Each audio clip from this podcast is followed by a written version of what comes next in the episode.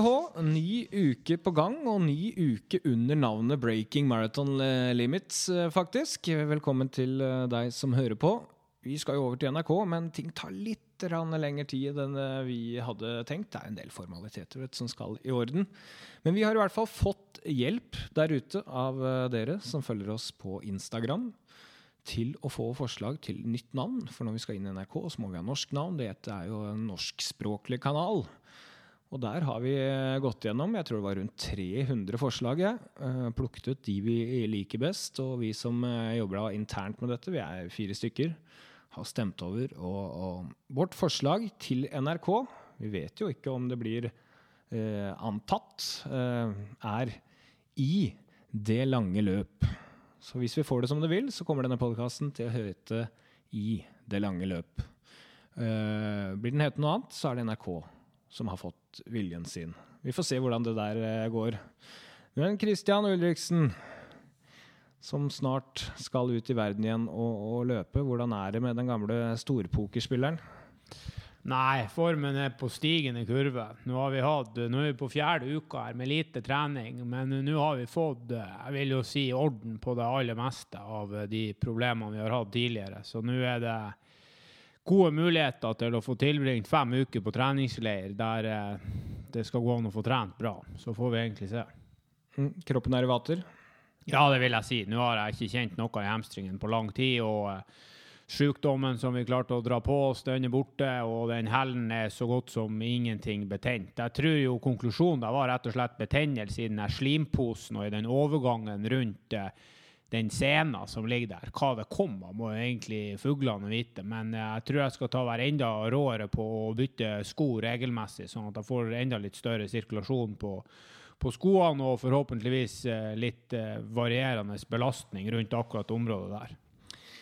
Du bør jo være hel nå for at Christian han skal ut i det som vi må si er litt ukjent farvann. Det blir spennende tider framover. Først så skal du da til Valencia til helga, hvor det er uh, halvmaraton. Der skal Sondre Nordstad Moen. Beste maratonløperen som ikke er født i Afrika, kan vi vel faktisk si om Sondre Nordstad Moen. Som også er din trener. Han skal løpe halvmaraton der. Skal du løpe halvmaraton der?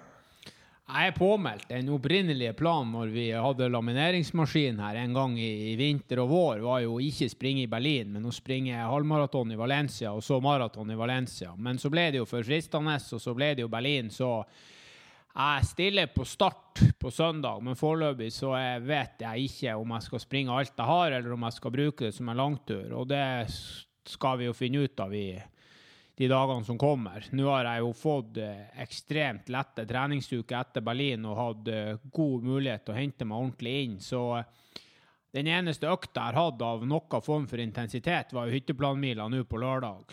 Så det var jo for så vidt brukbart. Det ble styggtungt de siste to-tre kilometerne, men 31,55 uten å ha trent på 20 dager får vi bare ta med oss. Og så tenker jeg jo egentlig at, at når du først skal på ordentlig treningsleir her i fem uker, så kan det være en fordel å starte på, på blanke ark og helst ikke være spesielt sliten eller ha vondt. Så kan hende at det blir Valencia Hall bare som ei treningsøkt på en litt moderat intensitet. Så får vi egentlig se hva Sondre vil.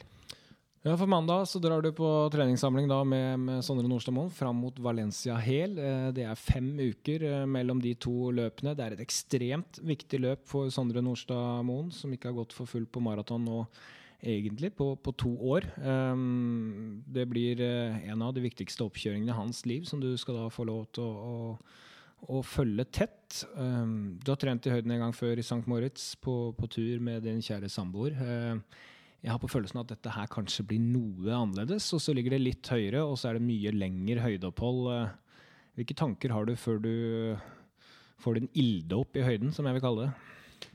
Nei, jeg prøvde jo å ta meg en, en ærlig prat med han godeste Sindre Burås for å, for å spørre han litt som en god kompis, uavhengig av hva han Sondre og Renato mener, litt hva hans eh, syn på det og hans inngang. Og han eh, var ganske klar på to ting. Det ene var de første tre-fire-fem dagene. Måtte være på riktige sider på intensiteten. Han ville jo eh, helst holdt det rolig og moderat og ingen hardøkter de første ja, fire-fem dagene. Og så ville han tenkt på de her fem ukene som på en måte to perioder. Så La oss si du får fem uker litt rolig, og så får du ti dager der det går litt tøffere. Og så tar du en ny sånn der tre-fire tre, dagers litt rolig, og så går du på en måte løs på nytt igjen eh, mot slutten av oppholdet.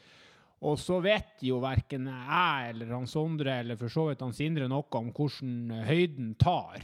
Og det er jo varierende. Noen takler det veldig bra, og noen sliter. Noen sliter veldig i starten, og så blir det bedre, mens andre tar det bra i starten, og så sliter de på dag 10, 11, 12, liksom. Så jeg tror clouet her er å, å, å, være våken og så prøve å ikke gjøre for mye. Helst uh, gjøre uh, ja, for mye av det intensive. Helst prøve å, å ligge på rett side lengst mulig. Ja, Det er jo noen faremomenter her. altså Mye av løpinga der foregår etter det jeg har sett på mellom 2000 og 2100 meter over eh, havet. Du skal på samling med en som ikke ligger på latsida, for å si det sånn. Der er det all or nothing. Um, og, og, Sondre er jo en type løper som kan løpe 3,40 han, på, per kilometer i høyden på rolig. Kanskje 3,30 òg, hvis han er i draget. 3,50 til fire blank kanskje på, en, på en, en, dårlig dag. Dere kan jo ikke trene spesielt mye sammen? Nei, jeg tror jeg får flere gode treningsøkter i bilen med Renato enn jeg får i joggeskoene med Sondre. Men formålet er jo på en måte heller ikke å få, få trent mest mulig sammen med han. Vi må jo være såpass ærlige med oss sjøl at det er jo natt og dag, liksom, på, både på nivå og ikke minst på, på eh, grunnlag i høyden. Altså, vi snakker jo her om at Sondre har kanskje tilbringt ja, mellom 100 og 200 døgn i høyden hvert år siden han var ung, med, bortsett fra de der få årene han var, har vært skada. Så det er klart at eh, vi, må, vi, må, bruke hodet her. Jeg drar jo ikke på treningsleir der for å være sammen med han. Jeg drar jo dit for å bli en bedre utøver sjøl. Og så er jo selvfølgelig det at han og Renato er der, og for så vidt en kar fra Australia som heter Harry Summers, gjør jo at det blir litt, ja, litt mer sosialt, og at du kanskje får litt mer eh, impulser og se litt hva det faktisk går i. Men det er klart, som du var inne på, Sondre har fem uker fra Valencia Hall til Valencia Hæl. Og det er en ganske nøyaktig to år siden han både løp på 59,48 og 2.05,48. Så det er klart det er en viktig uke for han òg. Så jeg er jo litt spent på det. Hvordan, hvordan er han nå når det virkelig begynner å dra seg til? Ja, vi kan sitte her og så kan vi tenke på hvor fort det er å løpe si 3,40 på rolig da, i, i, høyden. La oss si at det er eh, at det er eh, rett ja, minuttet da, eh, saktere enn hans 10 km fart per km, hvis du skal oversette til deg selv. Hvor, hvor fort er det? det? det? kan høres sånn passe fort ut. Eh, men jeg er litt spent på når jeg snakker med deg om eh, en uke, da. Etter å ha løpt på 2000-2100 meters høyde, litt kupert terreng, hvor fort du syns det er da. Eh, eh, det kan vi ta neste uke.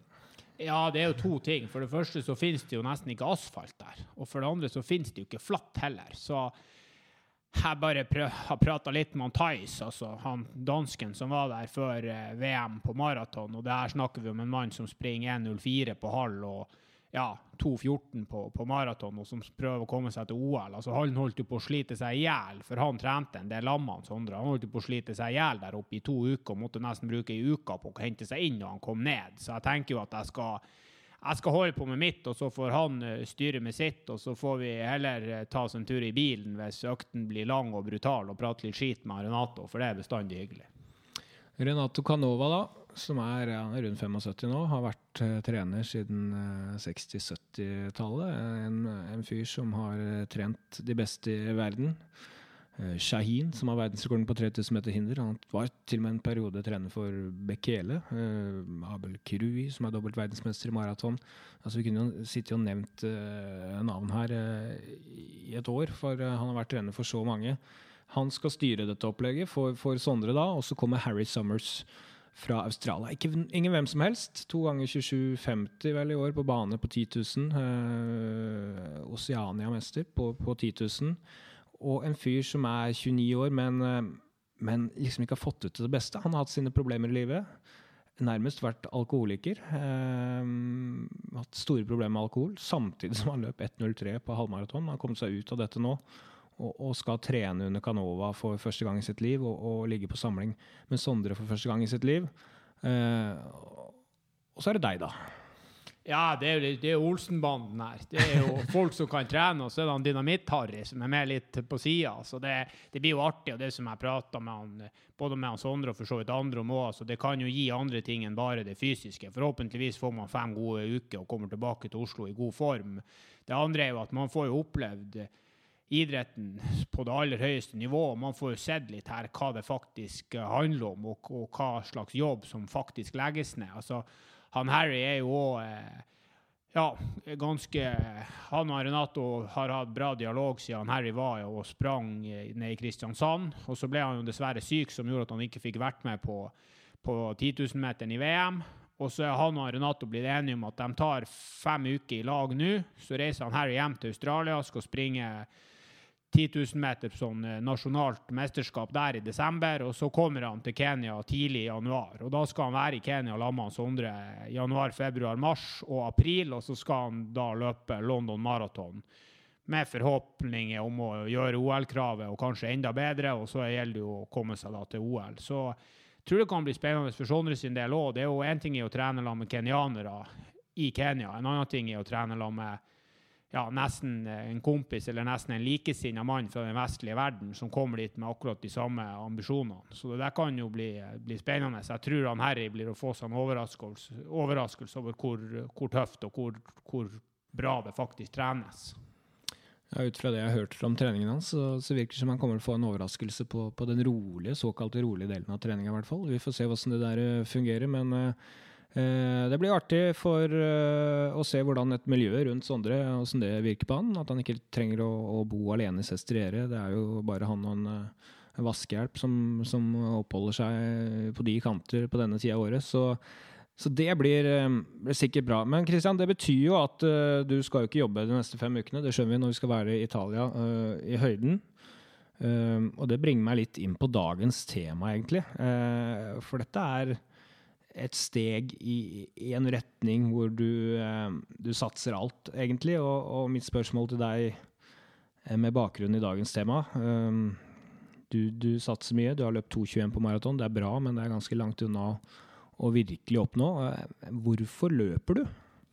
Nei, Det der er jo et sinnssykt godt spørsmål. Det er jo nesten sånn der du får servert hos bestemor di når du kommer på besøk der og spør om det går bra. og sånn. Og ja, men hvorfor trener dere egentlig, liksom? Du, du, du må nesten bruke en par sekunder for å summe det. Men det, den der følelsen av å være i god form, den er jo utrolig Ja, den er, gir mye. Og så er det jo konkurranseaspektet her. Det å kunne slå andre er selvfølgelig en drivkraft, men så er det jo for min egen del først og fremst om et, et ønske om å finne ut hvor god man egentlig kan bli. Og så kan man jo si at det går an å bli selvfølgelig sinnssykt god av å, av å, bo i Norge og alt sånn. Og det er ikke nødvendig å dra på lange treningsleirer på høy høyde og sånn. Og det vil jeg jo være enig i. Det er jo litt mer opplevelsen og det rundt det. Men jeg vil nesten si at grunnen for at jeg gidder å holde på, er for å finne ut hvor god jeg kan bli. Og så eh, vite at når jeg pakker sammen skoene, så har jeg på en måte gjort det jeg, jeg kunne. Ja. Det ligger noe der. Du ja. jakter et eller annet. Ja.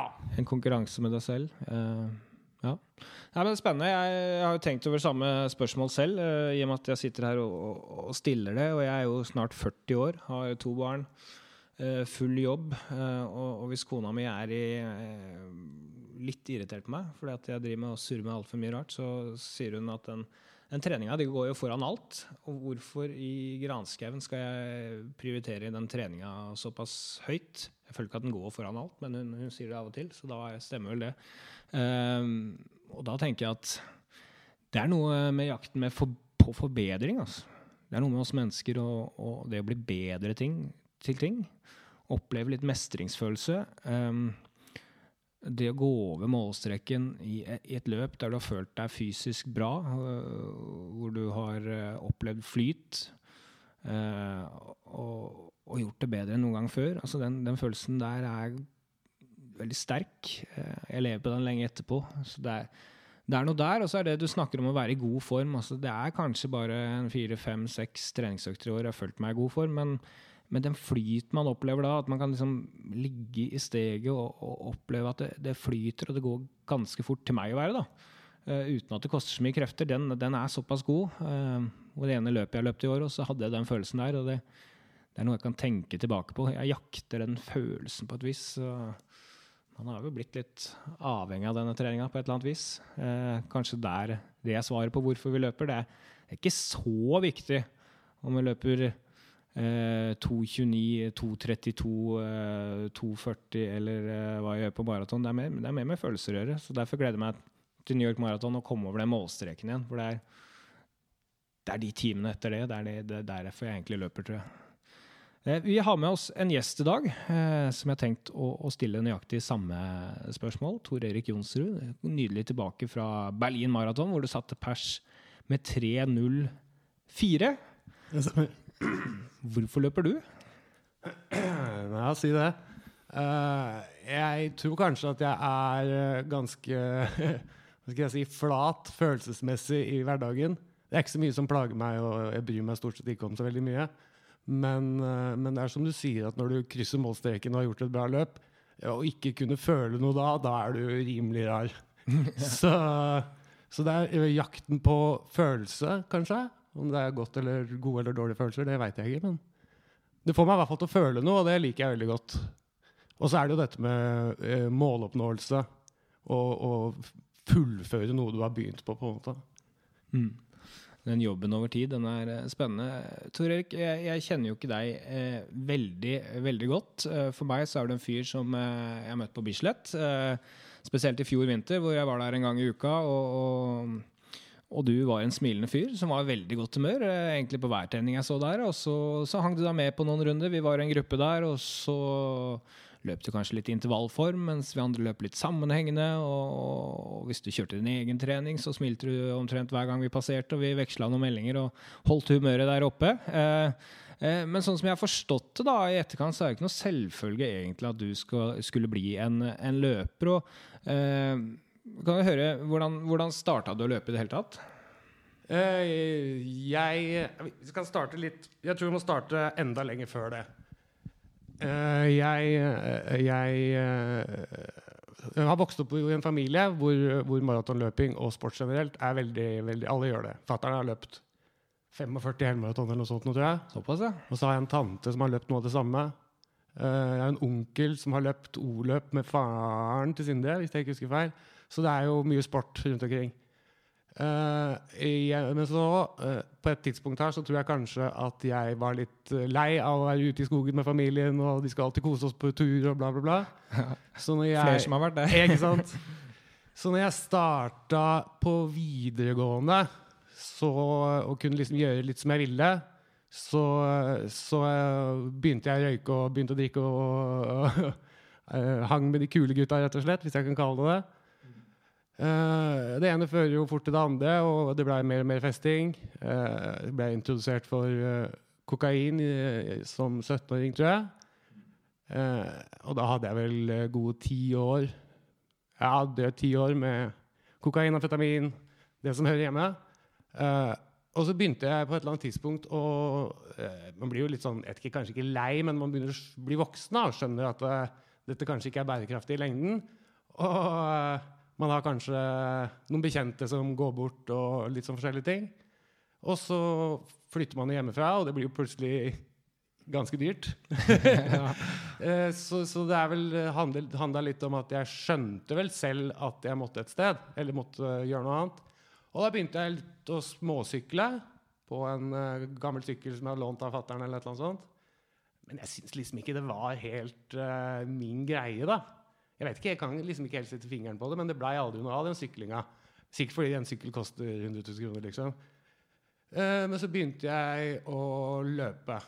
Og da husker jeg, når jeg starta å løpe, så måtte jeg gå annenhver lyktestolpe. Ja, men det er mange som må det, Ja. og det er en god modell. Ja, som faen. Uh, og så uh, Men så dabba liksom lysten litt av, husker jeg. Og da meldte jeg meg på halvmaraton i Oslo. For liksom å ha noe å trene mot, da. Eh, I 2013, tror jeg det var. Og da var målet å løpe under to timer, og da løp jeg 1,57 et eller annet. Ja, Kald beregning. Ja, ja, ja. så jeg var dritfornøyd med det. Uh, og så etter det så, har det jo, så var det jo Men det var litt sånn bismak, husker jeg. For det er jo det er jo en grunn til at det heter halv. ikke sant? Det er jo ikke Ja. hele det. så året etter så blei det jo hel. Og hva skal jeg si, resten er vel historie. ja. Da var du på en måte eh, bitt av basillen. Eh, Hvordan var det å løpe sin første maraton? da? Å, det var tungt. Det var, det var tungt, husker jeg. Jeg, var, jeg trodde at jeg skulle løpe 3,5 timer. Det skulle jeg ikke. Der skulle jeg, jeg skulle løpe 3,42 et eller annet. Eh, året etter skulle jeg også løpe under 3,5 timer uten å trene noe mer. Og da persa jeg med to sekunder. Så den samme treninga ga omtrent samme resultat? Ja, mer eller mindre. Men, men husker du noe av følelsen eh, det første maratonet der? Eh, det å, å nærme seg målstreken og, og krysse den? Endelig ferdig, litt sånn. Eh, i, i, når jeg løp Berlin i år, så er det første maraton jeg har løpt uten å begynne å grine når jeg kommer i mål. Eh, folk spør meg ofte hvorfor, begynner jeg, hvorfor jeg begynner å grine. Jeg er liksom ikke helt sikker. Jeg vet ikke om jeg er så glad for å komme i mål, eller stolt for å komme, eller glad for at det er over, eller hva det er for noe. Men, men grine, det har jeg gjort uh, nesten hver eneste gang. Ja, det er noe med det tøffe gutter gråter ikke, men akkurat når det kommer til maraton Jeg har kjent det press på mange ganger sjøl, sikkert felt en annen tåre òg. Det er noe med at man er fysisk så uh, sliten at jeg tror følelsene biter øh, mer enn en vanlig. Og, og du sier at du er litt sånn flat følelsesmessig til vanlig. Da, da er du sikkert ikke den som griner oftest. Nei, øh, det er veldig sjeldent. I hvert fall edru, holdt jeg på å si. Men øh, Nei, jeg gjør veldig sjelden det. Altså. Men øh, de fleste av følelsene jeg har, sterke følelser, er stort sett rundt, rundt løping. Nå er jeg jo, eller i hvert fall egen prestasjon, da. Det høres jo, hører jo med til historien her at jeg er veldig singel og veldig barnløs. ja. Det, det, det, det får man ta med i, regnskapet. Eh, jeg synes vi skal gå litt tilbake til tid, for den, den barndommen din og, og fram til du begynte å henge med de tøffe gutta på, på videregående, hvor, hvor aktiv var du innen idretten da? Jeg spilte litt fotball og, og de, liksom de vanlige tingene. Løp litt grann, eh, Jeg løp jo dette minimaratonet i Oslo i 1990. Jeg tror faktisk, For dette er jo fordi fattern skulle løpe hel. Og da må jo hele familien inn og heie. Og Ja, kjenner vel- til det. Ja. Og så, det gjør de også for så vidt nå, for de dukker jo opp nå når jeg løper. Ja. Eh, men eh, Så jeg har vel løpt Jeg tror jeg løp det der minimaratonet eller hva det heter, for et par år etter hverandre. Eh, og så vil, vil jeg henge med folka på skolen. da, ikke sant? Jeg begynte på, på, på barneskolen osv. Så, videre, så da ble det fotball. Eh, jeg har spilt bandy litt, grann, eh, og så var jeg på karate, husker jeg. Men eh, alt dette slutta vel Jeg slutta med fotball når de begynte med elver. ja. For det var så jævlig stor bane. Orka å løpe så langt, da, gitt. Ja, ikke sant? Og så åpne, Da var jeg jo gammel nok til å komme inn på den juniorklubben, som det het. da. Og der var jo alle de kule, så og der Ja. fikk man lov til å røyke. og- Ja. sant?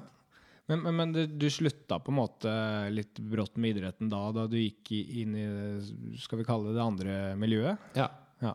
Det var liksom ingen kule som spilte fotball. Mm. Men øh, hva ga det deg i starten? Det må ha gitt deg mye å henge i det miljøet. Det må ha vært et slags fellesskap der et eller annet, siden du ble værende.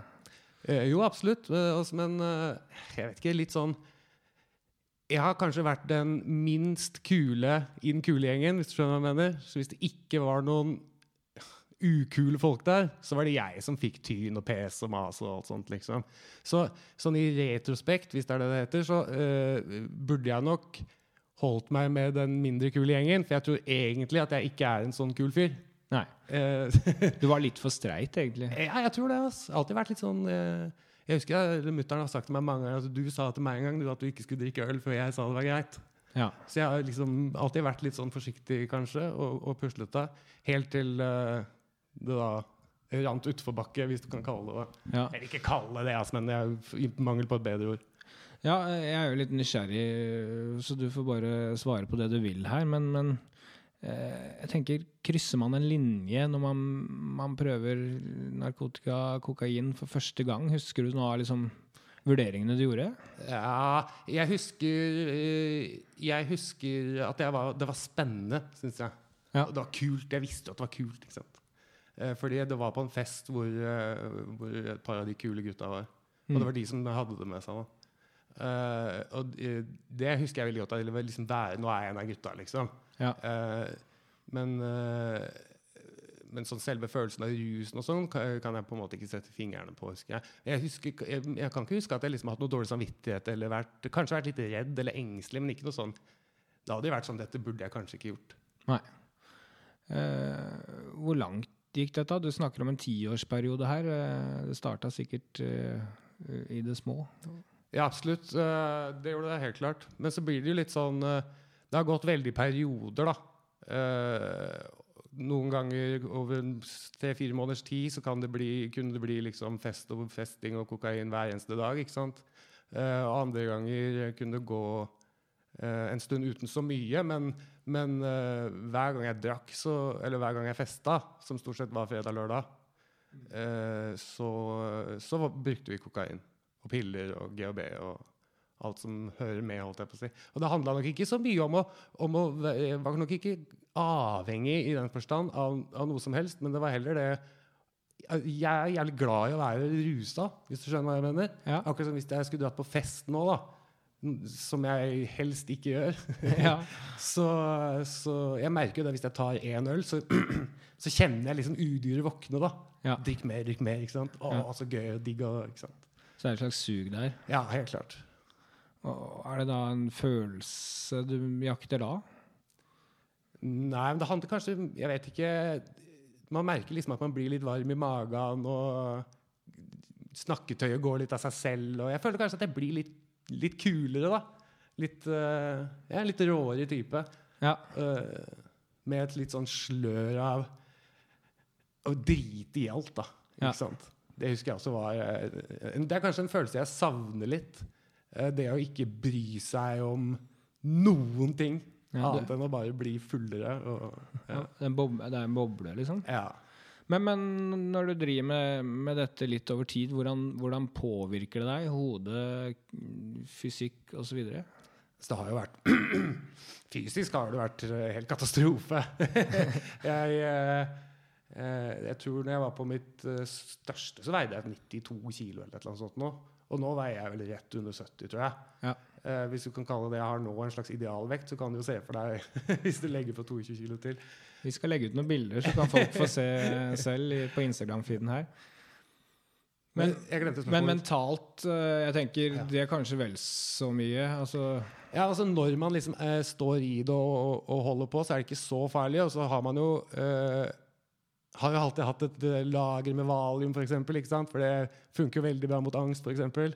så passe på liksom å ha sånne ting. Men jeg hører jo det at Når jeg hører, sier det høyt nå, så hører jeg at det høres helt galskap ut. men, eh, men man vet jo at man på en måte får en slags nedtur, da, ikke sant? så da prøver man jo å, å kamuflere det så godt man kan. Eh, Men i ettertid så har jeg nok følt på en del skam, og, og jeg tror mamma og, mamma og pappa har ikke syntes dette har vært noe særlig. Jeg har litt dårlig samvittighet overfor de og, og sånne ting. Uh, men, uh, men mens du holder på, altså, så, så handla det egentlig bare mest om å komme seg hjem fra jobb og få seg en øl. ja, for du, du jobba, og du klarte å holde eh, livet oppe og gå sånn ellers. Ja. Uh, jeg jobba som snekker, forfatteren, stort sett eh, hele livet. Eller eh, ti år eller noe sånt. Og det har, eh, det har gått eh, veldig bra. Han, eh, eh, det skulle gå ganske mange år før jeg på en måte ble gjennomskua av, eh, av mutter'n og fatter'n. Og, og, og da, da, var det, da var det nok på det aller mørkeste. Eh, og det var jo fordi at jeg var på jobb.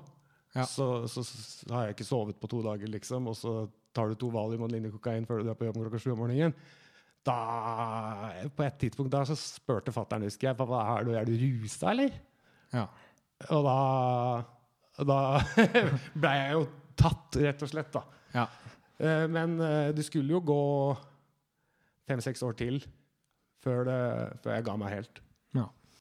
En ganske lang periode. Christian, eh, dette er jo en historie det egentlig ikke lukter 304 av på maraton av, egentlig. Hva tenker du om det du hører? Nei, jeg syns det er vanskelig å sette seg helt inn i hva mange av de, de mulighetene i samfunnet når man er ung, altså de, de valgene man tar og litt konsekvensene og sånn. Men det er klart, ti år med regelmessig bruk av narkotika, det, det, må, jo, eh, det må jo være nesten ufattelig. Altså at, at kroppen i det hele tatt eh, klarer å ta hånd om det. og Og det er klart, det å få, få kommet seg En ting er å komme seg inn i et rusmiljø. Det høres jo ut som det ikke er det, det, det var verdens vanskeligste sak. Men det der å komme seg ut, da snakker du jo tross alt at du skal bryte kontakten med stort sett de fleste av de kompisene du har fått i miljøet. Du må på en måte starte litt på blanke ark. De, de nye folkene som du forhåpentligvis blir venn med, eller det nye miljøet du kommer inn i, de må også føle at de må kunne nesten gi en rusmisbruker en sjanse her. Så det å komme seg ut her og komme seg inn i, i trening og i fysisk aktivitet, det må jo ha vært alfa og omega. Å klare å snu den der trenden man er i når det står på som verst i denne rusverdenen, det, det, skal, det tror jeg er verre enn en du og jeg forstår, som omtrent ikke har gjort annet enn å drikke øl. Nei, eh, det, det, er den biten av historien egentlig jeg er mest interessert i, og dit skal vi eh, nå. Eh, gjenoppbyggingen. Bare én ting til først, for du sa fire-fem år til etter du da ja, ble stilt til veggs av faren din på jobb. Det høres ut som en litt dyr hobby der. Også hvordan klarer du å få dette her til å gå, gå rundt i fire-fem år til her? Nei, det kan du godt spørre om. Det er uh, veldig lett å få kredittkort, bl.a. i Norge. Uh, så bodde jeg hjemme og hadde jo full jobb, så jeg hadde jo litt penger. Alt sammen gikk jo på festing. Uh, jeg husker veldig godt mutter'n og fatter'n har spurt Du fikk jo lønning i går. Fatter'n er jo Det er han som setter for lønna, ikke sant? Ja, ja. Hvordan i helvete kan du være blakk nå? Ja. Uh, så, og kredittkort lar seg gjøre. Det er veldig mange, mange langere, om vi skal bruke det ordet, som låner bort ting. Jeg har til og med prøvd å selge ting for å, for å, for å finansiere mitt eget forbruk, men uh, don't get high on your own supply er det for tommelfingerregel. Det var jo omtrent Der røyk jeg på det òg. Ja. Jeg endte jo opp med å skylde en del penger både til kredittkort og betalte ikke regninger og til andre folk, men det, det hjalp fatter'n meg med, uh, og mutter'n, når jeg, når jeg ble stilt til veggs den gangen. Uh, og videre, sånn videre finansi jeg, finansierte det litt smartere da, med mine egne penger etter, etter, fatter'n stilte meg til veggs. Det ble også litt roligere uh, av forbruket, alt. Men jeg er veldig glad for at du tok opp dette med venner, Christian. For jeg hadde uh, en hel gjeng med venner, kall det før jeg starta dette. Og alle de har tatt meg utrolig godt imot når jeg kom på en måte ut på andre siden. Noen av dem var en del av det også, som også har liksom blitt etablert og fått barn og fått roa seg, de også. Mm. Men, eh, men uh, uten på en måte de kompisene og familien og sånn, så tror jeg kanskje det kunne godt ha gått verre. Altså, jeg veit ikke, jeg. Men, men du kommer til en beslutning der. Ja, ja. Hva, hva, er det liksom På et eller annet vis må det komme fram til nok er nok. Jeg vil noe annet. Jeg kan liksom ikke helt sette fingeren på hvor vendepunktet var. Jeg føler det var en litt sånn glidende overgang. Men uh, jeg husker at jeg hadde ringt til kompiser når jeg har vært uh, litt borte da, og så hatt dårlig samvittighet og bla, bla, bla. Og Så har jeg liksom fått beskjed om at uh, ta ring meg når du er nykter, liksom, så kan vi snakke da. Men det ble jo aldri ringt da. ikke sant? Så Nei. merker man jo det at faen, eller de, skjønner jo det at det er jo disse som egentlig er kompiser inne. Og, og, og de sklir bare lenger og lenger unna. og uh, så Der også skjønner du du måtte ta et tak. Og så begynner du å få dårlig samvittighet for familien din, som allerede har stilt opp for deg. Og så, For ikke snakke om din egen kropp og din egen helse. da. Du ser liksom alt sammen bare skli fra deg på hver sin kant. da, Så må du prøve å samle det på et eller annet tidspunkt. Ja, men Det krever jo enormt mye å da begynne den jobben. ja, det gjør kanskje det.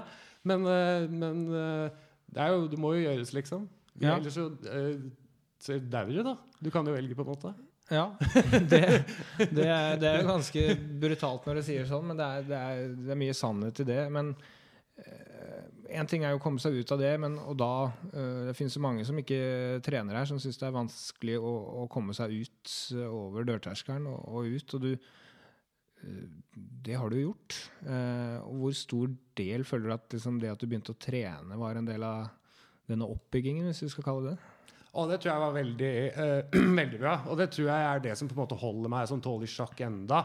Er det at du kan ikke dra ut, for du skal løpe langtur på søndag. Ikke sant? Det er bakkedag på lørdag, det blir ikke noe på fredag. Og jeg blir jo veldig veldig sjuk av å drikke. Ja. Så, så, hvis jeg drar ut på, på, på, fredagen, så trener ikke jeg før på mandag. liksom. Uh, og det vet jeg jo, og det, og det må det bare, så må det bare være. Og det er kulere å løpe 304 da, enn en, ja, festa alle fester jeg liker, liksom. Ja. du har vært på alle, alle festene du må være. Men, men eh, det er jo ikke sånn med en gang man begynner å trene at man har langtur hver eh, søndag og det er bakkedrag hver, hver lørdag. holdt jeg på å si. Altså det, det, det er jo en stykke før du kommer dit. Hvordan var det å begynne å bevege seg? da? Først på sykkel, og så jogge fra lyktestolpe til lyktestolpe? Det var jævlig tungt, husker jeg. Det var veldig veldig tungt, og det var derfor jeg liksom på en måte fikk meldt meg på det, på det halvmaratonet også. Og så har jeg jo røyka liksom 20 sigg daglig i ti år òg, ikke sant? Så det er jo Jeg tror ikke jeg slutta å røyke før jeg løp det første helmaratonet. Eh, så det er jo liksom Det er jo en helt utrolig seig følelse, da, men det, man vet jo på en måte ikke Man vet jo ikke hvor lett Eller hvor mye lettere det er når man er i form, enn det Fordi man er jo i dårlig form, ikke sant? Så, så, så man vet ikke hvor bra det kunne vært, på en måte, da. Selv om jeg tenker, meg, tenker veldig mye tilbake på liksom, hvis, Når jeg løp de, de fem kilometerne som barn, Ja. så ser jeg jo på et bilde at Det er jo et talent der, sånn, et kjempesteg. ikke sant? Så jeg tenker jo liksom litt hva, altså, hva kunne vært, da. ikke sant? Ja. Men på den annen side så ville jeg ikke vært foruten heller. Fordi det er jo altså, en livserfaring som svært få kan på en måte skryte på seg. Da. Og jeg tror at det, jeg vil jo si at jeg har kommet styrket ut på andre siden. Du har lært noe på veien her? Ja, det må jeg ha gjort. Og det er, Ja, det har jeg garantert gjort. Uh, og, og så har jeg jo fattern også, ikke sant? Eh, som jeg for så vidt slo persen til nå i Berlin. Ja, ja, ja, ja, altså. Men altså, fyren har løpt 45 helmaraton, vunnet Trondheim Oslo to ganger, tror jeg. Uh, 25, nei, 20 strake merker på, sykkel, på Birken på sykkel og ski og løp. Mutter'n har vunnet Lillehammer Oslo to ganger. Eh, 20 merker på Birken der òg. Ja. det liksom Det ligger i familien. ja, Så skal du sitte her på andre døgn og sniffe kokain, liksom. Eh, Er det ikke kulere å prøve å få til noe fett nå, da? Ja. Ikke sant? Men, men jeg vil tilbake til liksom, første perioden du begynte å trene. For at, uh, det er jo mange som begynner å trene og har motivasjon i, i, i to uker, tre uker, fire uker. Og så blir det tyngre. Hva var det som fikk deg til å stå i det? For du sier at det var seigt, at det var tungt, og det kan ikke ha vært noe særlig. Hva var det som gjorde at du fortsatte? Jeg vet ikke, kanskje jeg har en sånn mm, At jeg har arva et slags arbeidsgen av fatter'n. Fordi man tar jo på en måte et valg da, ikke sant, når man melder seg på dette halvmaratonet.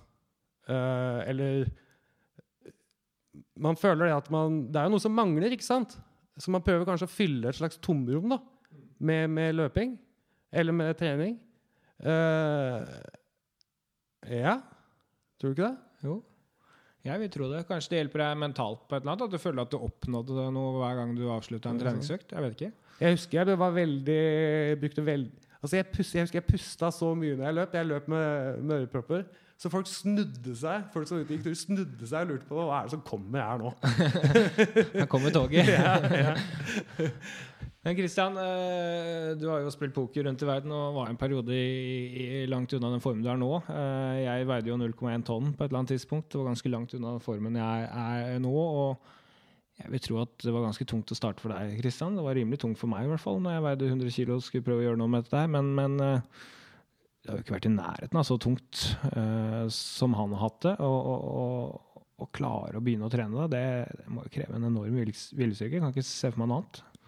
Nei, jeg blir jo Det der du og jeg holdt på med, det er jo liksom Det er bare latskap satt i system, og så tar du deg sammen og så begynner du å trene, og så er det selvfølgelig tungt i starten, men det han, han kommer fra, er jo noe helt, helt annet. Jeg tror det er veldig vanskelig for oss som omtrent kun har drukket øl, og sette oss inn i den, den tilstanden han ha vært i når han starta opp på det her. Men det som er fellesnevneren for oss alle når man begynner i dårlig form, er jo at Klarer du å stå i det de første ukene, de første månedene, så er også fremgangen så eventyrlig.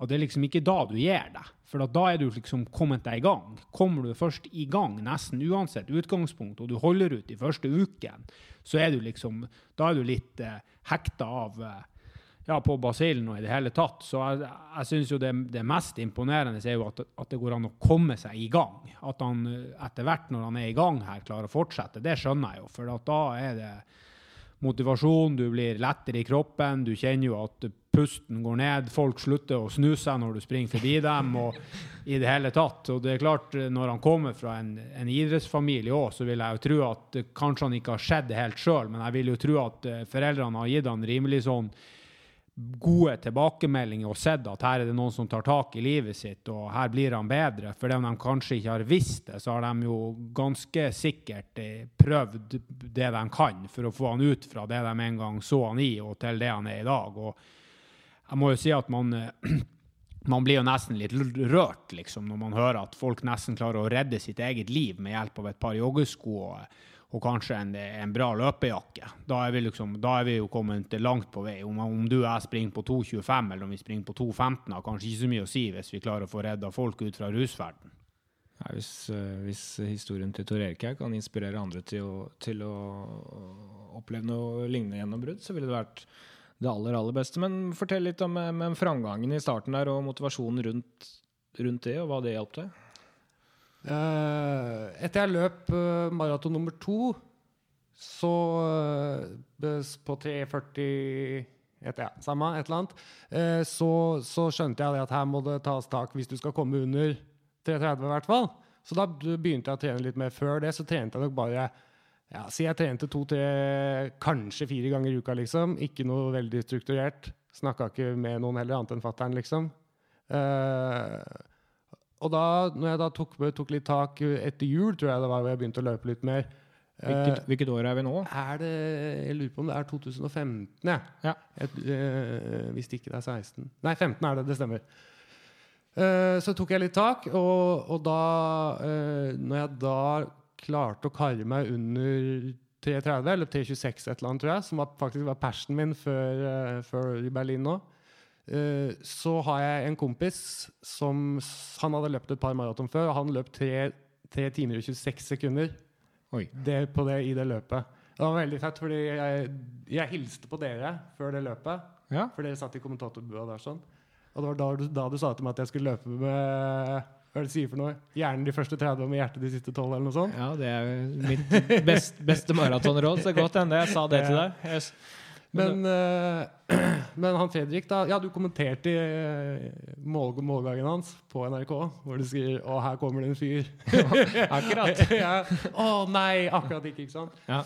Men uh, han skulle kvalifisere seg til Boston. Ja. og etter det løpet så, sa han, så spurte han meg skulle ikke prøve å løpe under tre timer. Ja. ja, det hadde vært dritfett det å få til det, liksom. Og han var jo noe nærmere enn det jeg var. Han var veldig nære. Ja. Men da satt vi liksom inn godstøtet, da, og da begynte vi å trene. Han fikk hjelp av hun eh, Kristin Eikrem.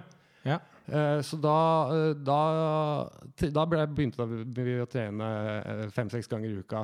Og det gjorde vi hele året. der sånn, Et helt år. så på våren igjen, tror jeg det var, så begynte jeg å mase på, på Sindre. Sindre Burås. Ja, Sindre Burås. Hvordan traff du på han?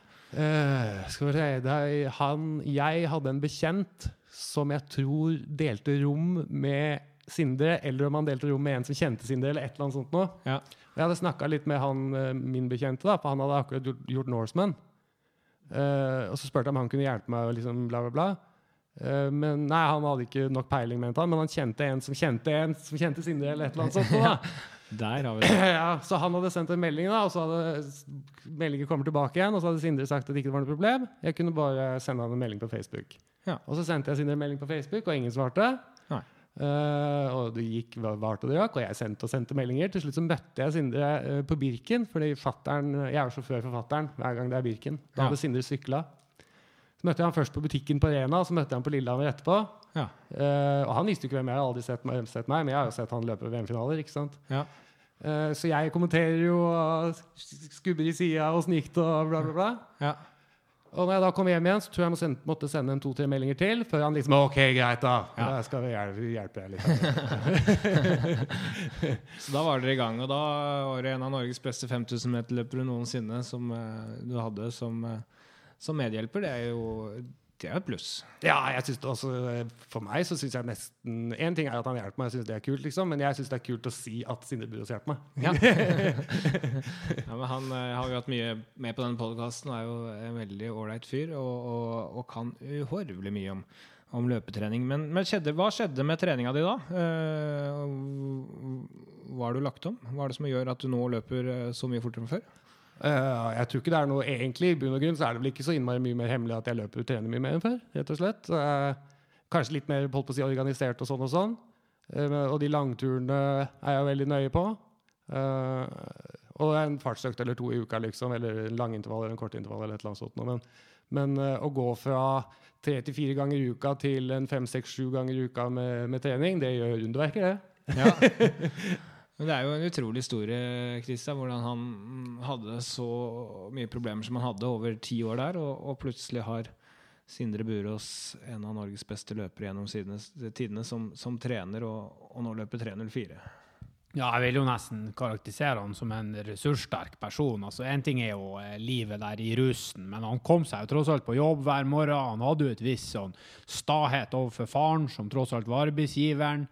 Begynte å trene, fikk selvfølgelig satt seg litt mål, og så klarer han jo å komme i kontakt med folk også som, som klarer å hjelpe han videre. Og, og, det generelt i livet er jo en, en god egenskap. Altså, det er klart at Hvis du får en mann som han Sindre som trener, og, du, og han følger deg opp og han spør hvor det går og Jeg vet jo litt hvordan han jobber som trener, de utøverne han, han hjelper. liksom. Det er tett oppfølging. han han bryr seg om dem, og hvis ikke, du, hvis ikke du svarer på hvordan det går, så går det kort tid, og så ringer han. og Hvis ikke han får tak i deg da, så er det omtrent sånn at han møter opp på døra. Så det er klart at den oppfølginga der, og den der at du føler litt at du rapporterer tilbake til en mann som du, som du respekterer, og som du vet også har peiling på det han holder på med, det er klart, det hjelper mye. Og så er det jo en gang sånn at skal du bli bedre med det meste her i livet, så litt mer innsats, det, det lønner seg som regel. Og det ser vi jo at han også har fått betalt for her. Når du øker fra tre-fire ganger i uka til fem-seks, så blir det plutselig litt annerledes. Så får du litt struktur, og Hans Indre skjønner litt hvordan,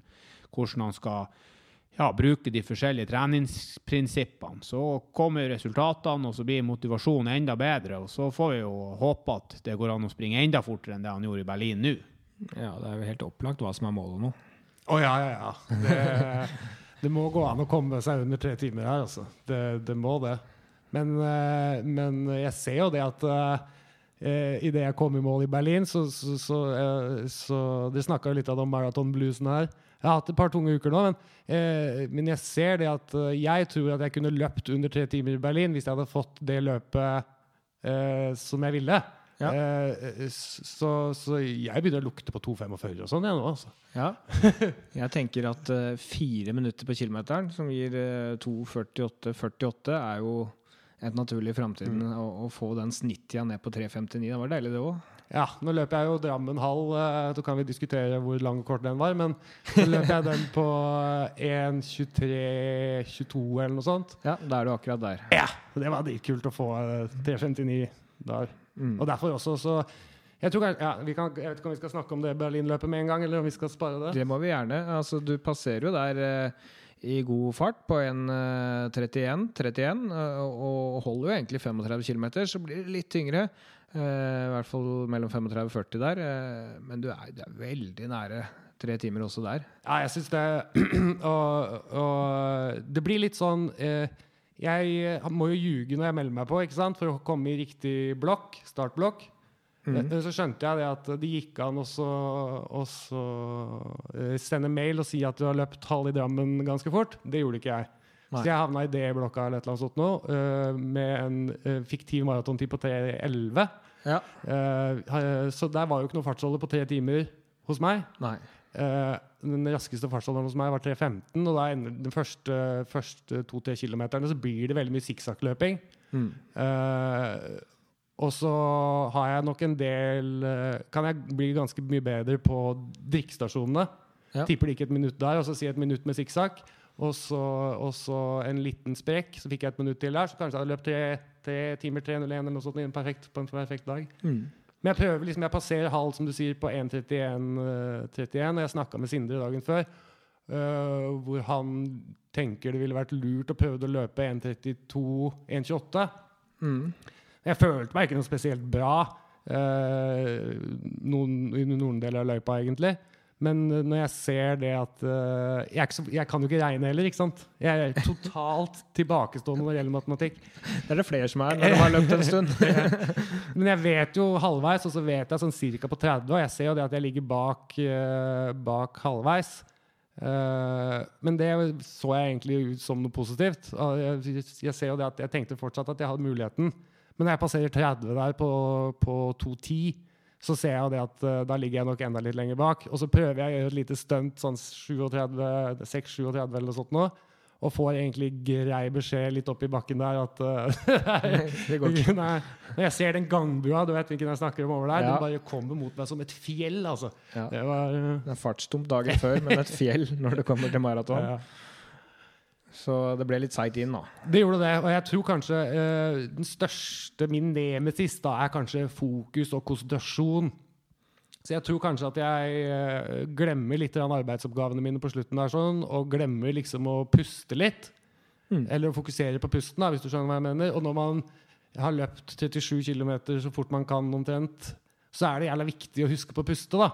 Så da får jeg en litt sånn, gå på en liten smell der og bli litt svimmel og må liksom gå i 30 sekunder, og da er du liksom Da er du kjørt. Da er du kjørt. Det er iallfall tre timer kjørt, men 3.04 er ikke mye dårligere, da. Nei, det var digg å komme under 305. Ja. Det var vel, eh, hvordan var følelsen over målstreken der? Du, du sa det var første maraton du ikke gråt? Eh, ja, ja. Eh, nei, det er jeg, jeg, litt sånn spesiell Litt sånn, jeg vet ikke. Jeg var litt glad for å komme i mål, men så var det litt sånn bismak også. Jeg hadde jo egentlig trodd at det skulle gå Eller håpa det skulle gå fortere. Ja. Eh, men jeg er veldig fornøyd med at Berlin i fjor, da, så brukte jeg, løp jeg første 30 på 2.08, 2.08, og så løp jeg siste 12 på 1.52. Og da sist gang jeg spøy jeg på 30, og så tror jeg jeg spøy sju eller åtte ganger. Så Ja. sist gang jeg spøy, så var jeg på 42. så det var jævlig kult å løpe forbi de, alle de stedene hvor du vet du lå spøy i fjor, da. Ja. Det var litt bedre opplevelse denne gangen, Ja, det, det var det. Altså. Det er jævlig kult å liksom For du kjenner Det er jo løping, ikke sant? Du løper jo Ja, ja, dritlangt.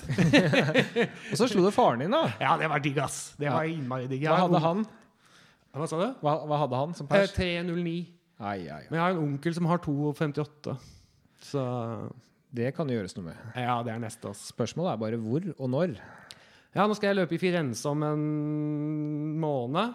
Men det, er, det, tror jeg blir en, eh, det tror jeg blir en joggetur. Fordi det har vært eh, Jeg følte meg ikke så knust når jeg kom i mål i Berlin. Men det har jo tatt meg liksom to uker å, å komme meg ut på trening. Så jeg har egentlig ikke Jeg trente to ganger forrige uke, og så har jeg trent to økter denne uka her. Uh, så det blir nok en joggetur i Berlin Nei, i, i Firenze der. Skal løpe sammen med fatter'n. Mm. Han blir 60, Ja, så vi skal ned og feire med maraton. det er bra. Og så det, har jeg meldt meg på Milano i april igjen. Eh, jeg er litt usikker på hvordan den løypa er, så får vi se litt hva det blir til. Men, eh, men Berlin er jo neste år er jo eh, Den er bankers. Ja. Jeg har Etter jeg ikke klarte å løpe under tre timer første gang jeg prøvde, så har jeg bare dratt tilbake til Berlin hver, hver Berlin. da. Så nå blir det vel fjerde gang jeg prøver i Berlin. Ja. Det er sånn som deg, det, Kristian. Ja, har du vært i Berlin en gang og feira eller feila, feira eller feila, så kommer du tilbake. Nei, det er klart at Berlin på høsten, spesielt for oss som bor i Norge, altså det er klart Det går mange gode gode ja, både halvmaraton og 10 km i august og i september i Oslo. og Det er godt vær, og det, over hele Norge får man stort sett trent veldig bra etter sommeren. og det er klart Berlin kommer på et utrolig bra tidspunkt. og det er jo stort sett eh, aldri dårlig vær der. Det er beste løypa i verden. Det er enkelt å komme seg dit. Det er mye som taler for Berlin. Og så er det klart at folk føler at de har litt uoppgjort i Berlin. liksom. Når du først har eh, ikke klart målet ditt i Berlin, så er det liksom du må tilbake for å få, få slått deg sjøl. Det er det det handler om. Mm. Og, da får vi se om uh, tretimersgrensa går der, eller om det går i Milano tidligere. Kan jo skje. Det kan det. Det blir spennende å se. Nå skal jeg til Milano sammen med han som løp under tre timer da, i 2016. Som løp 3, 26, 3 timer 26 sekunder det året. Uh, han løp for så vidt uh, fem og en halv time i Paris uh, to år etterpå. Det var den utviklinga. Men eh, nei, vi har en sånn maratontur i året, jeg og han, hvor vi kjører, reiser rundt og, og løper sammen. da. Mm. Så nå blir det Milano, så får vi rett og slett se. Han er veldig ivrig på at jeg skal løpe så fort jeg kan, men Ja, det må du. Du må klare å holde motivasjonen gjennom vinteren. Får du løpt under tre timer i Milano, så er utgangspunktet for sommeren og for Berlin veldig mye bedre enn hvis du springer på 3.30 i Milano. Ja, du sier noe. Nei, jeg kommer nok til å, til å fortsette å, å trene, og så tror jeg det så, så mye jeg kan. Og jeg tror at hvis jeg ikke hadde trent Hvis jeg hadde slutta å trene, så hadde sikkert Sindre stått på døra mi, som du sier. Ja. lurt på hva som skjer.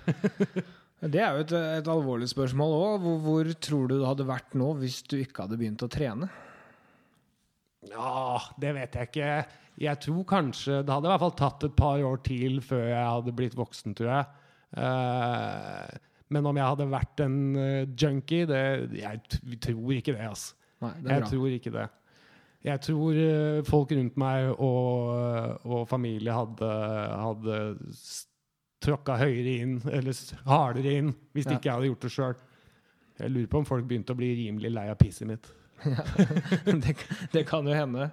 Men, eh, men gjør det løpinga det lettere å holde seg unna disse festene som du sier du er ferdig med, og helst ikke vil på? Ja, det er helt avgjørende. Helt, helt avgjørende. Fordi eh, altså, Folk kaller meg for einstøing og sitter bare hjemme aleine og, og sånt. Og det, og Du treffer jo mye folk da når du løper. Ikke sikkert. sant? Ja, det var 50 000 i Berlin. Ja, ja. Nei, men eh, ja, Folk blir jo litt skuffa fordi jeg ikke blir med på ting, og, og sånne ting, men for meg så er det viktigere å, å, å komme meg på trening. Og så, uh, så er jeg jo glad i, og, i, i mitt eget selskap. Uh, så kanskje blitt litt folkesky uh, med, med, med tiden. da. Men det fins jo fellestrening rundt omkring, og det fins folk å trene med. Og, og sånn som vi kjenner det, så er det jo uvanlig å bli for på trening, så hvorfor eh, skal ikke du være med på fellestrening? Nei, Det har jeg også tenkt, faktisk. Og ikke noe som er eh, mer motiverende enn å ligge en runde bak Christian på Voldsløkka. så det, når jeg går inn på pausen min etter 3000 meter, så er de ferdige og løpt et, løpt et minutt allerede. Ja, men, eh, men bare det å møte opp, det er, det er lettere å slite sammen enn alene, pleier Kristian å si. Ja, jeg tror det er et godt ordtak for alle uansett nivå. Men eh, nå når du er her, og du har på en måte fått litt muligheten til å fortelle om, om det du har opplevd gjennom livet Hvis vi har andre lyttere som sliter med ting, ikke nødvendigvis med, med narkotika, men depresjon eller annen form for, for rus, skal, har du noen gode råd å gi folk til å, til å komme seg i gang, eller til å på en måte prøve å bryte litt ut av en dårlig trend? Jeg tror det er jævlig viktig å, å, å sette seg et mål. Og så tror jeg det er jævlig viktig å, å altså, gjøre noe vanskelig. Tror jeg er viktig. Om det er løping eller om det er maling, eller hva det er for noe, det er egentlig samme, men noe som, som gir en mestringsfølelse og en følelse av fremgang, da. Det tror jeg er veldig, veldig viktig. Uh, for, at, for at hjernen skal fungere eh, normalt. Jeg hørte en teori en gang om en fyr som sa at uh, før i steinalderen da, så måtte vi passe oss for ting hele tiden. Og passe oss for sabeltanntiger eller hva det var for noe gjemme oss i huler. ikke sant? Uh, men det trenger vi ikke lenger. Så jeg tror han mente at det var et slags energi da, inni hjernen vår eller i, i kroppen som ikke får noe utløp, fordi det er ikke noe å være redd for eller passe seg for. Så derfor tror jeg vi er, av sånn, Sånne grunner tror jeg det er veldig viktig å, å, å komme seg ut, og, eller i hvert fall gjøre noe vanskelig. Øve seg på en ting. En annen ting, eh, nå har du jo trent under Sindre en stund. Hva, hva er det da viktigste du har lært treningsmessig på veien her, som du tar med deg videre? Ikke stress. Ta det med ro. Og hva legger du i det? Eh, nei, Sindre fungerer kanskje mer som en slags eh, psykolog nå. I hvert fall etter som Christian legger ut alle øktene sine på, på den Facebook-gruppa, så har jeg ofte bare gjort det Christian har gjort. Eh, men eh, det blir jo slitsomt eh, å løpe, og du får vondt steder, og plutselig går det mye saktere enn det det skulle gjøre. Og da må du ringe, ringe Sindre og Ringe psykologen. ja, gråte på skulderen hans og, og få han til å fortelle deg hva som er galt. Ja. Og da blir det ofte Da, da blir det- blir det hvil i morgen, da. Eller tøye litt, eller gå til Julia. ja. Som eh, masserer. Eh, eh, eh, men er du en fyr som lett blir stressa hvis det ikke går så fort som du hopper på intervalløkter og hardøkter og den slags? Ja, jeg syns jo det er eh, trått. Eh, når det ikke går som jeg skulle ønske, så har jeg vel en tendens til å, å gå jævlig hardt ut, da. Eller har hatt, kanskje. Ja. Så eh, man, har, man set, har jo en sånn slags målfart i hodet på, på hvor mye man skulle ønske eller man har lyst til å løpe ting på. Men jeg prøver å lære meg dette her. Eller Sindre har prøvd å lære meg dette med, med trøkk. Da. Altså, du skal liksom ha et maratontrøkk eller en halvmaraton, et halvmaratontrøkk. Og, og hva farta blir, det, det får egentlig bare være så lenge du har trøkket ditt. Ja. Og det eh, har jeg øvd veldig mye på, og det har hjulpet meg eh, i disse, de, de siste løpene. At du blir liksom Du, du har et slags, et slags gasspedal, da, hvor du liksom trykker gassen så langt inn, og så får farta bli det det blir. ja. Du løper litt på følelse, da, rett og slett. Han lærer deg det. Han er glad i det, Sindre. Ja, ja, ja. Ja, dette høres veldig bra ut. Eh, lykke til med løpingen framover. Vi skal følge med. Hvis du, ikke, hvis du ikke får et optimalt løpsopplegg, skal vi personlig stille opp som harer i perseløpet og dra deg rundt på akkurat den farta du vil i jevn fart hele veien, så du får bare si fra hvis det trengs på et eller annet tidspunkt. Det blir hyggelig. Det gleder jeg meg til. Kristian, du får god tur ned til Valencia. Et spørsmål som henger i lufta der, som vi må ta før vi avslutter dette, er jo Sondre Nordstad Moen, som skal løpe sin andre halvmaraton i høst. Det første gikk vel på 60,25 nede i København. Er den norske rekorden på 59,40,80 i fare ut fra de rapportene du har fått fra høyden i Italia? Ja, definitivt. Så er spørsmålet hvor eh, hardt det skal gås til fra start her. Det kommer en han Kielka, da, som ble nummer to i, på VM i 10 000 stille. Så stiller det en Ymer eller noe sånt, en etioper som løp til høy 58. Så prata litt med Renato i går. De prater om 27-40-27-50 første 10 km, og det er jo helt helt i grenselandet av det han Sondre tåler. Jeg tror han hadde 27-55 i fjor, eller 27-56 for to år siden, når han løp da på, på 59-48. Så han kan få et ganske, ganske likt løp som i København, der det, der det liksom handler om å slippe den tetgruppa på riktig tidspunkt, og så handler det om å finne sin egen fart, og så må du holde deg sjøl topp motivert. Han var, han var skuffa etter København med tanke på, på, den der motivasjonsbiten etter at han slapp. Han syns han på en måte plaga seg sjøl litt for lite. Denne gangen er jo, er jo målet på en måte å få jagd hele veien til mål, og så ut ifra det jeg har hørt bare av, av økter og sammensetning, så er han eh, i bedre form nå enn han har vært noen gang. og Så får vi se hva han klarer å levere. Han, Renato er i hvert fall optimistisk. Da får vi se om han andre gang i sitt liv kan løpe under en time, om den norske rekorden blir slått, og om han er så god at Julian Wanders sin europarekord på 59 13 kan være fare. Eh, det er for tidlig å si, men det blir to viktige løp i høst for uh, Sondre Nordstadmoen i Valencia. Først halv nå, og om fem uh, uker etter det hel. Det er jo en rask løype. I fjor ble det satt verdensrekorden der, riktignok av en fyr som nå har tatt for, for doping, men løypa er uansett rask. Forholdene ser ut til å bli veldig bra, så det blir spennende. Vi får, vi får finne en eller annen stream å følge med, så får vi se om det blir løp på deg eller ikke.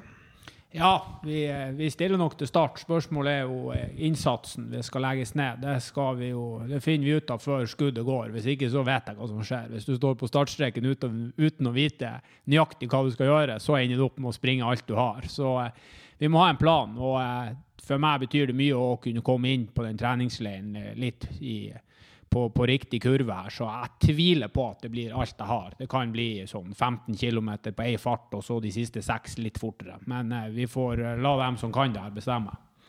Det blir eh, spennende. Neste gang vi snakkes, så er du da i høyden i Italia på samling med Harry Summers og Sondre Nordstad Moen. Det skal også bli en interessant prat. Som vi har skjønt i dag, løping kan være mye. Glede, det kan være tungt. Det kan gi eh, fremgang, det kan være frustrerende, men det kan ikke minst være viktig. Håper at dere har blitt eh, litt inspirert i dag. Takk for at dere hører på. Så høres vi igjen eh, neste uke.